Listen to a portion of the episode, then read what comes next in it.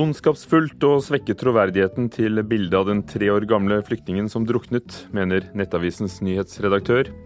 Museer har fått inn 23 millioner kroner i gaveforsterkning hittil i år. Inspirerende, sier en museumsdirektør, som mener det er lett å bli sløv av faste tilskudd. Nazistene brukte norsk kunst i propaganda, og det viser ny utstilling i Bergen på en bunnsolid måte, sier vår kritiker. Og nye leseombud etterlyses. Folk som leser høyt for dem som ikke kan lese selv. Vi trenger flere. Velkommen til Kulturnytt i Nyhetsmorgen i NRK. Nye opplysninger om at faren til Aylan, den tre år gamle gutten som druknet utenfor Tyrkia, i flere år har bodd i Tyrkia, svekker ikke kraften til det bildet som er blitt trykket over hele verden den siste uken. Det sier nyhetsredaktør i Nettavisen, Erik Stefansen, som mener flere forsøker å svekke kraften til bildet av gutten på stranden, som er blitt et symbol på flyktningenes skjebne. Lørdag ble det kjent altså at Aylan kurdis eh, familie bodde tre år i Tyrkia. Bildet av tre år gamle Aylan på ei strand i Tyrkia fikk voldsom sprengkraft forrige uke. Et lite barn kom aldri fram til det som skulle bli et bedre liv. Avisa The Guardian skrev i helga at guttens familie har bodd i Tyrkia de tre siste åra, og det faktum at de ikke flykta direkte fra Syria denne gangen, har fått flere til å forsøke å svekke bildets troverdighet. The situation is Abdullah does not have any teeth. Flere videoer publisert på nettstedet YouTube hevder med hjemmelagde tekstplakater at den lille gutten drukna fordi faren hans ønska å komme til Europa for å få nye tenner. Utgangspunktet er et intervju med guttens tante, som avsenderne har henta fra Sky News. For å kunne konstruere den tankerekka da må du ha ond vilje. Det sier nyhetsredaktør i Nettavisen Erik Stefansen, som i helga skrev et blogginnlegg om det han kaller ondskap fra et mørkt hjørne av internett. Og så er det jo noen da som sitter hjemme i sofaen sin og surfer på nettet og spiser potetgull og finner ut at mm, å ja, vil ha nye tenner, ja. Så det var derfor forfengelig, altså. Og så drukna hele familien. Ja, da kan han jo bare ha det så godt. Da vil du trekke farens historie ned i støla. Og da er du ondskapsfull. Stefansens blogginnlegg er blitt delt på sosiale medier av over 5000 personer, men har også fått flere hundre kommentarer der mange føler seg lurt av bildet. De mener at familien var trygg i Tyrkia, og at familiefaren har ansvaret for at gutten drukna i Middelhavet. Det endrer jo ingenting at, at faren da tok en risk og, og gjorde noe uansvarlig. Selvfølgelig gjorde han det, men det endrer jo ikke tragedien til den treåringen som ligger på stranda sa Erik Stefansen, som er nyhetsredaktør i Nettavisen, til vår reporter Torkil Thorsvik. Sveinung Ystad, leder i Pressefotografenes klubb. Mener du at nye opplysninger om guttens familie gjør noe med hvordan eh, bildet blir sett? Tvert imot, mener jeg egentlig. Altså, det viser mye med kompleksiteten i situasjonen i Middelhavet. Ehm, det at vi får høre om bakgrunnen, er jo litt av grunnen til at media valgte å trykke det bildet i utgangspunktet. Eh, og Så kan vi diskutere om vi burde ha venta lenger å, eh, før vi publiserte og finne ut mer. Men vi visste hvem han var, vi visste at eh, mor og bror var død, Og vi hadde en bakgrunn som var såpass interessant at det ga en kontekst som gjorde det naturlig å publisere det. Mye av diskusjonen gikk jo på om det var riktig å vise bilde av en død gutt som ikke kan bli spurt, og, og, og publisere det. Men hvor mye handler det om hva vi vet rundt historien? Om man kan gjøre noe sånt? Det som er interessant med den type bilder, er jo at bilder snakker rett til følelsene våre. Og når vi på en måte ser et sånt bilde, så begynner vi å tillegge dem mye som vi kanskje ikke vet. Og så vi lager et, slags forestilling om, om hva det bildet, bildet inneholder. Um, jeg tror kanskje mange blir litt provosert når de har tenkt seg en sånn flyktning og de har trodd at det her var en, en, en reell flyktning, og, og, så har de begynt å tenke seg rundt, rundt det her og laga en historie som kanskje ikke stemmer helt med virkeligheten. Forstår du da at de noen, i hvert fall, som de skriver selv, føler seg lurt? Jeg oppfatter denne situasjonen og denne diskusjonen egentlig litt som marginal, egentlig. Ehm, det her er en høyst reell situasjon. Det er en gutt som ligger død på stranda. Dette skjer nesten daglig. Sånn at ehm, jeg syns ikke folk skal føle seg provosert av det. Hvilke andre eksempler ehm, har du på pressefotografier som har skapt et lignende engasjement, debatt, politisk eh, handling? Det ble stor debatt i 2007. Da var det et bilde som vant eh, pris i World Press Foto. Det var fire libanesere som kjørte rundt i kabriolet i, i Sør-Beirut etter krigen i, i, den sommeren. Eh, og Der ser du sønderskutte bygninger i bakgrunnen, og så ser du kabrioleten og det fine. Det ser ut som det er rike folk på sightseeing. Eh, det vant World Press Foto. Det viste seg da å være eh, internflyktninger som måtte rømme pga. at det var så farlig. Og de prøvde å finne tilbake til husene sine. Og de ble fremstilt som kanskje noen mer makabre turister. Men viser ikke det nettopp at det er viktig å, å, vente til i hvert fall så mange opplysninger som mulig er på bordet før man publiserer, for å gi et helt riktig helhetsinntrykk? Jeg mener at De opplysningene man hadde ganske tidlig, var nok til å kunne publisere det. Altså, Vi visste hvem gutten var, vi visste familien. Altså, det, det var reelt at det var flyktninger. Og så har den, De opplysningene som kommer i etterkant, vil jo egentlig bare utfylle det bildet og gjøre det egentlig enda mer spennende, syns jeg. da. Vi skjønner litt mer av hvorfor de har dratt og, og den pakken her. Hva synes du om debatten og engasjementet som har oppstått rundt bildet i helgen? Eh, jeg synes først og fremst det er fantastisk at folk blir engasjert av bilder. Um, og at folk blir provosert, det er helt greit, men du ser at fortsatt majoriteten eh, fortsatt vil hjelpe. Og at, at, et sånt bilde kan bidra til et sånt engasjement, er superbra. Men er det eksempler på bilder som faktisk har mistet troverdigheten sin og blitt diskreditert etterpå, hvor man faktisk er blitt lurt? Ja, men Vi snakker jo av og til ikke, ikke at Du har ikke blitt lurt, men i Sudan i 93 så var det en som het Kevin Carter, som tok bilde av en, eh, en, unge og en gribb i bakgrunnen. og Mange, mange ble jo veldig provosert av det bildet.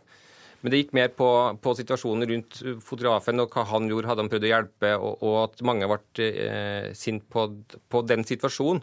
Eh, men den situasjonen var også reell. sånn at eh, eh jeg tror ikke folk følte at det var lurt, det var mer at de var provosert. For øyeblikket er der jo når bildet blir tatt. Ja, og Det samme gjelder med han treåringen på stranda. Takk skal du ha, Sveinung Ystad, leder i Pressefotografenes klubb.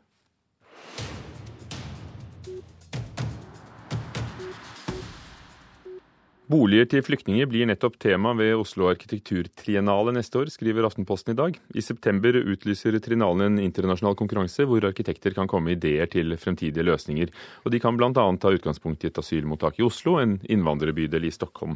Og Det var eh, et spansk gruppe som fikk gjennomslag for sitt forslag om at eh, nettopp folkevandring skulle være tema ved neste års arkitekturtriennale. Norske museer har eh, så langt i år fått 23 millioner kroner i gaveforsterkning fra staten. Ordningen består i at staten blir med på spleiselaget når private åpner lommeboken og gir gaver. Det er inspirerende, synes direktøren ved Valdresmusea. Han eh, mener museene har vært for skeptiske til ordningen. Man kan fort bli litt sånn sløv av den eh, faste tilskuddet som kommer trillende inn hvert år. Så jeg har trua på dette her med å kjempe om prosjektkronene. Museumsdirektør Ole Åsta Bråten er stolt av utstillinga om Langeleiken han har stående. Dette skåpet her viser jo de kanskje eldste langeleikene som finnes i Norge. De kan vises fram bl.a. takket være penger fra gaveforsterkningsordningen. En ordning han mener har fått en ufortjent lunken mottakelse. Men jeg tror det er en grunn til det, og det er at en har eh, opplevd det statlige tilskuddet som trygt, fast, uproblematisk og så inviteres en inn i en finansieringsmodell som er litt krevende, som er ny, og som tar kanskje litt mer tid. Ordningen der staten topper en privat gave ved å sponse 25% av gavesummen, ble innført i 2014. På årets statsbudsjett er det satt av 30 millioner kroner til dette, og hittil er det utbetalt 23 millioner, fordelt på rundt 80 museer. Eh, det viser at ordningen fungerer. Eh, og det er stadig søknader som kommer, så eh, jeg har god tro på at disse pengene kommer til å bli brukt opp i år òg. Sier kulturminister Toril Vidvei. Men så har du den lille raringen her, da. Generalsekretær i Norges museumsforbund, Liv Ramskjær, sier de har hilst ordningen velkommen, men at de er skeptisk til konsekvensene. Og under det nordiske museumsmøtet på Hamar denne uka skal ordningen opp til debatt. Ole Åsta Bråten skal innlede under følgende tittel. Sexy nok hvordan får en millionærene på glid? Det kan true friheten og det kunstneristiske friheten som museene har når de programmerer. Den kan bli satt på en prøve. Skeptikere får politisk støtte hos Arbeiderpartiets Hege Liadal. Men det er feil å tro at offentlige kroner ikke legger lignende begrensninger, svarer Åsta Bråten. Du skal bidra i regional utvikling, enten det handler om merkevarebygging, sykkelsatsing, identitetsskaping. Eh, vi skal kanskje selge musikk og mat og opplevelser fra gamle dager, for det er hyggelig og bekreftende på hvem vi er som valdrisa. Han vil gjøre mest mulig ut av ordningen, og går aktivt til verks for å få tak i mer private penger. Vi har tatt et bevisst valg at vi skal søke penger der de er. Men de nye, private lommebøkene lar vente på seg. Det er ikke kommet eh, en motivasjon bak ordningen for at nye private givere gir. Fortsatt dominerer museenes allerede gode venner, stiftelser og legater på Kulturdepartementets oversikt over gavegivere. Eh, og man ser ingen trend i at dette utløser store nye midler fra nye givere. Og på spørsmål om kulturministeren vil utvide ordningen på neste års statsbudsjett, eventuelt innføre noen gulrøtter for giverne, svarer Vidvei følgende. Vi får vente å se når vi kommer tilbake igjen til budsjettet, men eh, det er jo ingenting å legge skjul på at denne ordningen har fungert, og det er positivt. Så har vi også fått låne en langeleik fra Det kongelige slott. Den og de andre langeleikene ved Valdresmuseet står trygt i monteret, takket være 100 000 kroner i gaveforsterkning. Så vi nytter godt av den ordningen. Andre vil kanskje si at det ikke er så veldig mye, men for et mellomstort uh, distriktsmuseum så er det viktig nok uh, for oss. Ja takk til de 100 000, sier jeg. Og det var det direktøren ved Valdresmuseet Ole Åstad Bråten som sa. Reporter Torunn Myhre. Og senere denne uken blir det debatt om gaveforsterkningsordningen når eh, nordiske museer møtes i Hamar. Fredag åpnet utstillingen Kunst i kamp på museet Kode i Bergen. Utstillingen viser hvordan okkupasjonsmakten brukte norsk kunst som propaganda under andre verdenskrig, som på Nasjonalgalleriet i 1942. Åpningen av utstillingen Kunst og ukunst har funnet sted i Nasjonalgalleriet. Professor Søren Onsaker orienterte publikum. Mot en bakgrunn av stor norsk kunst har jeg stillet opp en rekke entartede bilder for å vise hva vi har tapt ved å gi den slags kunst innpass hos oss. Ja, dette var bakgrunnen fra Norsk Ukerevy i 1942. Mona Pali Bjerke, kunstkritiker i NRK. Hva slags utstilling er det Kode i Bergen nå har laget med dette her vi hørte som bakteppe? Jo, det er en utstilling som tar for seg nazismens kunstsyn og forestillingen om det entartede, eller den degenererte kunsten eh, generelt.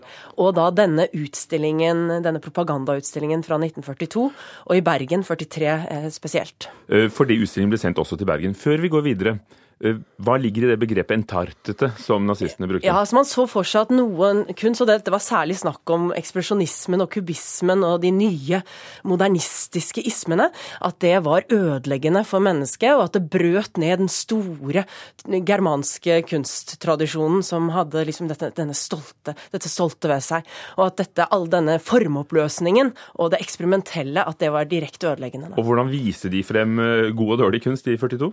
Jo, så de stilte da eh, i Norge så stilte de da opp Eh, disse nye i gåseøyne fordervede ismene opp mot en stor norsk kunsttradisjon fra I.C. Dahl til Edvard Munch. Og da holdt man selvfølgelig stor avstand til deler av Munchs produksjon, som jo i Tyskland var erklært entartet, men man var opptatt av vitalismen, altså auladekorasjonen, solen, disse fargesprakende bildene fra begynnelsen av 1900. Flotte, sterke, nakne mennesker ja. i solen. Den utstillingen fra 42 ble vist flere steder i landet, bl.a. i Bergen Bilde Galleri. Det er nå en del av Kode, eh, som er litt av bakgrunnen for hvorfor de har laget denne utstillingen. Eh, er det sånn at, eh, at de har gjenskapt denne propagandautstillingen Kunst og ukunst?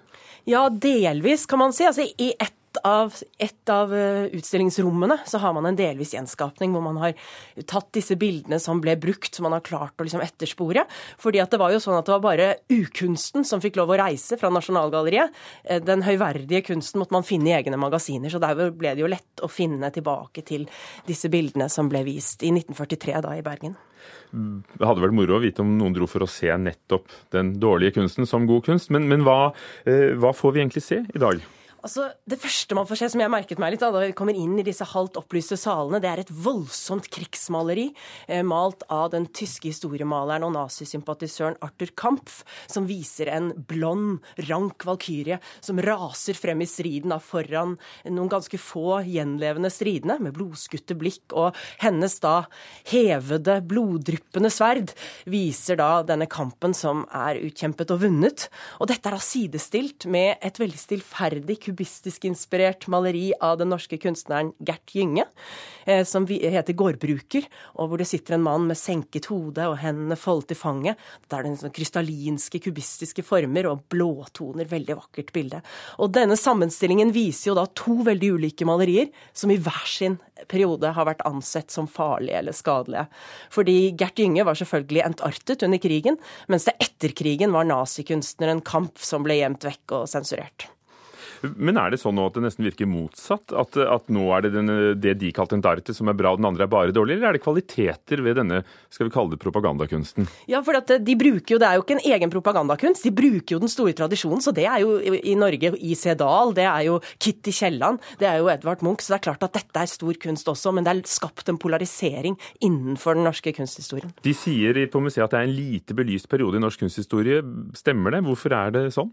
Jo, det tror jeg kanskje handler litt om noe som eh, kunstsosiolog Dag Solhjell er innom i sitt, eh, sitt katalogessay, som handler om det at vi kanskje mangler den store, liksom, hissige motstandskampen på kunstfeltet. Det var ikke noen åpen strid, det var mer en stille tross hvor kunstnere nektet å ta imot midler. Og det kan hende at det ikke har vært opplevd som appellerende nok da, til å spinne beretninger omkring. Kunst i kamp åpnet på Kodemuseet i Bergen denne helgen, står til 7. februar.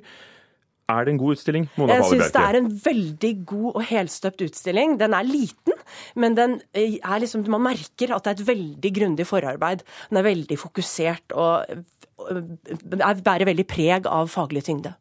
Takk skal du ha, Mona Palle Bjerke. Klokken er 19 minutter over åtte. Du hører på Nyhetsmorgen i NRK. Hovedsaker i dag. Venstre ber statsministeren kalle inn til hastemøte om flyktningkrisen. Sterke boligutbyggere truer matfatet, advarer Jordvernforeningen, som sier at bønder blir fristet med store beløp for å selge jorden. For tredje år på rad planlegger regjeringen kutt i formuesskatten, skriver VG i dag. Og intenst og gripende er ord vår anmelder bruker etter helgens premiere på Den Norske Opera, som vi hører fra senere i Kulturnytt. I Norge er det i dag 1000 leseombud. Det er personer som leser høyt for andre, som ikke kan gjøre det selv, og ikke lese selv. En mulighet for alle som er glad i å lese høyt, for nå etterlyses flere leseombud. Har Reidar ikke kommet? Jeg, jeg, prøver å gå og ringe på til Reidar. Nei, ja, han Svein nå, ja. Vi er på Laureng bo- og servicesenter i Tromsø. I kafeen har fem av beboerne samla seg med kaffe i koppen og litt kake på asjetten. Men fortsatt er det noen som mangler, så ei dame med ei bok i handa tar seg en liten runde. Nå har jeg vært og ringt på til eh, noen av beboerne her som eh, har litt dårlig huske.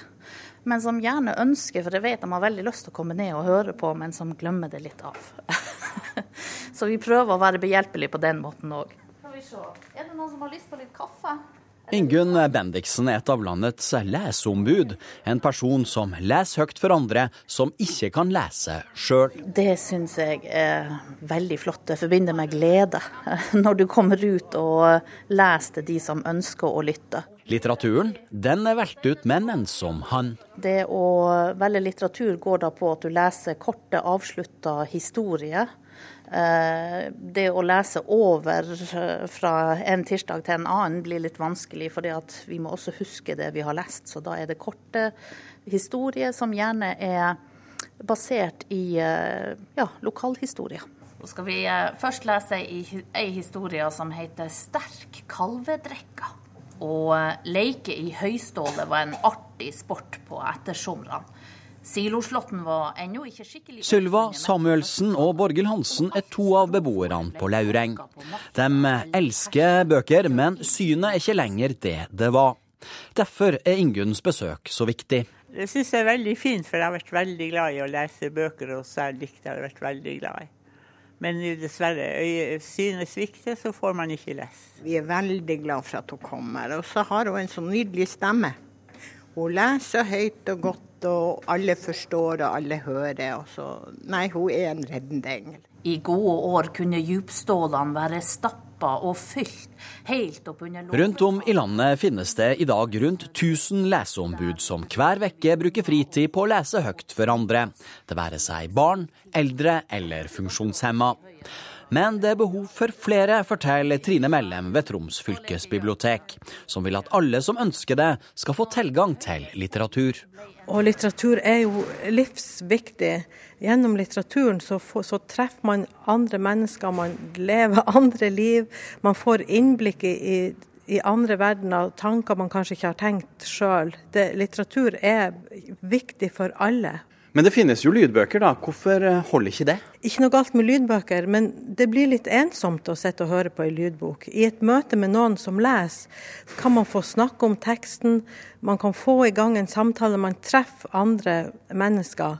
Og man opplever litteraturen på en helt annen måte enn når man sitter alene og hører på ei lydbok. Og har du lyst til å bli leseombud, så går det an å ta kontakt med nærmeste bibliotek.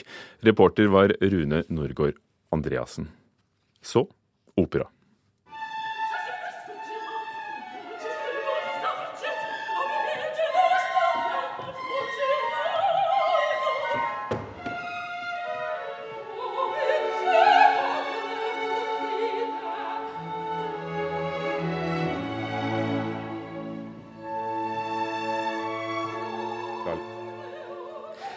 Fra lørdag kveld og premieren på Leos Janaceks opera 'Katja Kabanova' på Den Norske Opera i Oslo. Den første nye oppsetningen denne sesongen.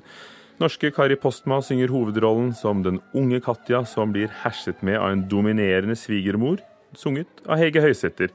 Og det hele ender selvfølgelig tragisk. Musikkritiker her i NRK, Øystein Sandvik, hvordan var det? Du, dette var en meget intens og svært gripende skildring av denne tragiske kvinneskjebnen som går fra ulykkelig ekteskap via utroskap til selvmord. Hun kaster seg i Volga til slutt. Eh, den har et solistlag med Kari Postma i spissen som synger overbevisende tvers gjennom. De gir virkelig jernet. Eh, det er et scenebilde som er enkelt, men effektivt. Og det er en dirigent som virkelig får frem rikdommen i Jan Arceks svært eh, effektfulle musikk. Og hvem er dirigenten? Han heter Thomas Hanush og er fra Tsjekkia, så han, er, eh, han, burde vite hvordan dette skal gjøres. På innsiden av Jan Acek. Eh, det er et tysk team som står bak oppsetningen, leid inn fra Hamburgs eh, opera. Hva har regissøren Willy Decker gjort med Katja? Han har konsentrert dramaet om det aller viktigste, som er samspillet mellom hovedpersonene. Så scenebildet er veldig enkelt. Altså, vi ser et spartansk interiør som skrår innover på scenen, både horisontalt og vertikalt, med noen grove trepaneler, og ikke så mye mer enn det. Veldig grått. Alle kostymene er svarte, bortsett fra da de hvite underkjolene som kommer frem når eh, liksom frihetstrangen melder seg. Men så kan dette scenebildet åpne seg bakan, sånn at vi ser horisonten, og vi ser disse fuglemotivene da, som symboliserer den friheten som eh, Katja drømmer etter. Men dette er altså en, en måte å iscenesette på som skaper da et eh, klaustrofobisk miljø, et innestengt miljø da rundt den unge heltinnen Katja.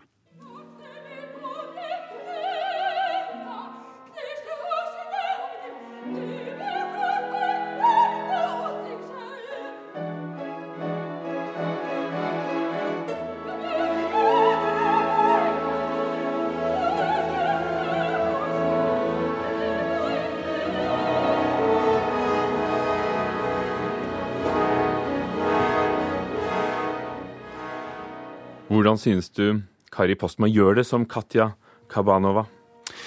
Det er en virkelig solid eh, prestasjon. Altså, Kari Postma er 100% til stede i rollen hele veien og spiller ut et stort register av eh, følelser. Får veldig godt frem hovedkarakterens desperasjon og sårbarhet.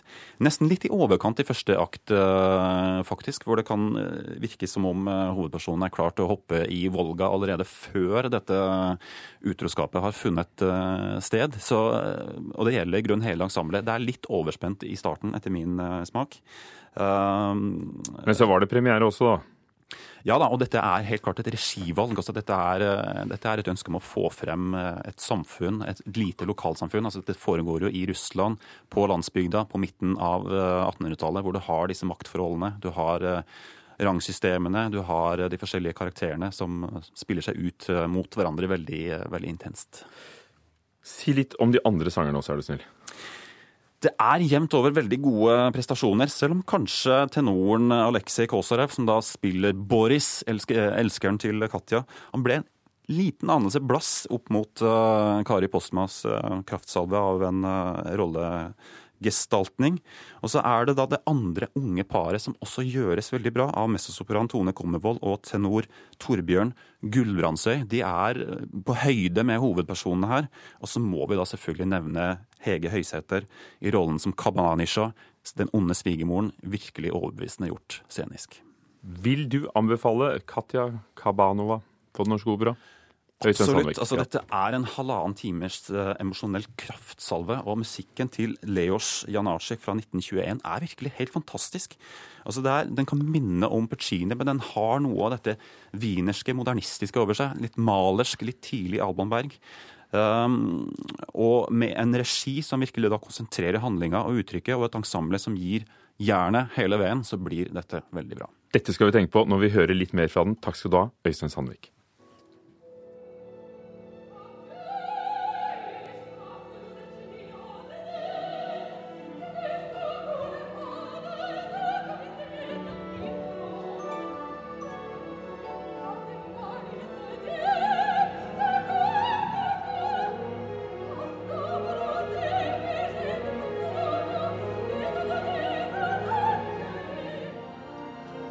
Kari Postma som Katja Kabanova i Leo Leos Janaceks opera. Vi tar med at Åge Aleksandersen og Sambandet og bandet Violet Road gir 10 000 kroner hver fra helgens konserter til Norsk Folkehjelps arbeid med flyktninger fra Syria. Det skriver Åge Aleksandersen selv på sin eh, side på Facebook, og de oppfordrer andre artister til å gjøre det samme. Også D-Sound vil gi sitt honorar eh, i sin helhet til Syria-flyktningene når de skal holde konsert i Sandvika om noen uker, skriver også bandet på sin Facebook-side. Vi har prøvd å snakke med artistene, men det har ikke lyktes oss nå i morgentimene. Det var Kulturnytt. Takk for nå. Hør flere podkaster på nrk.no podkast.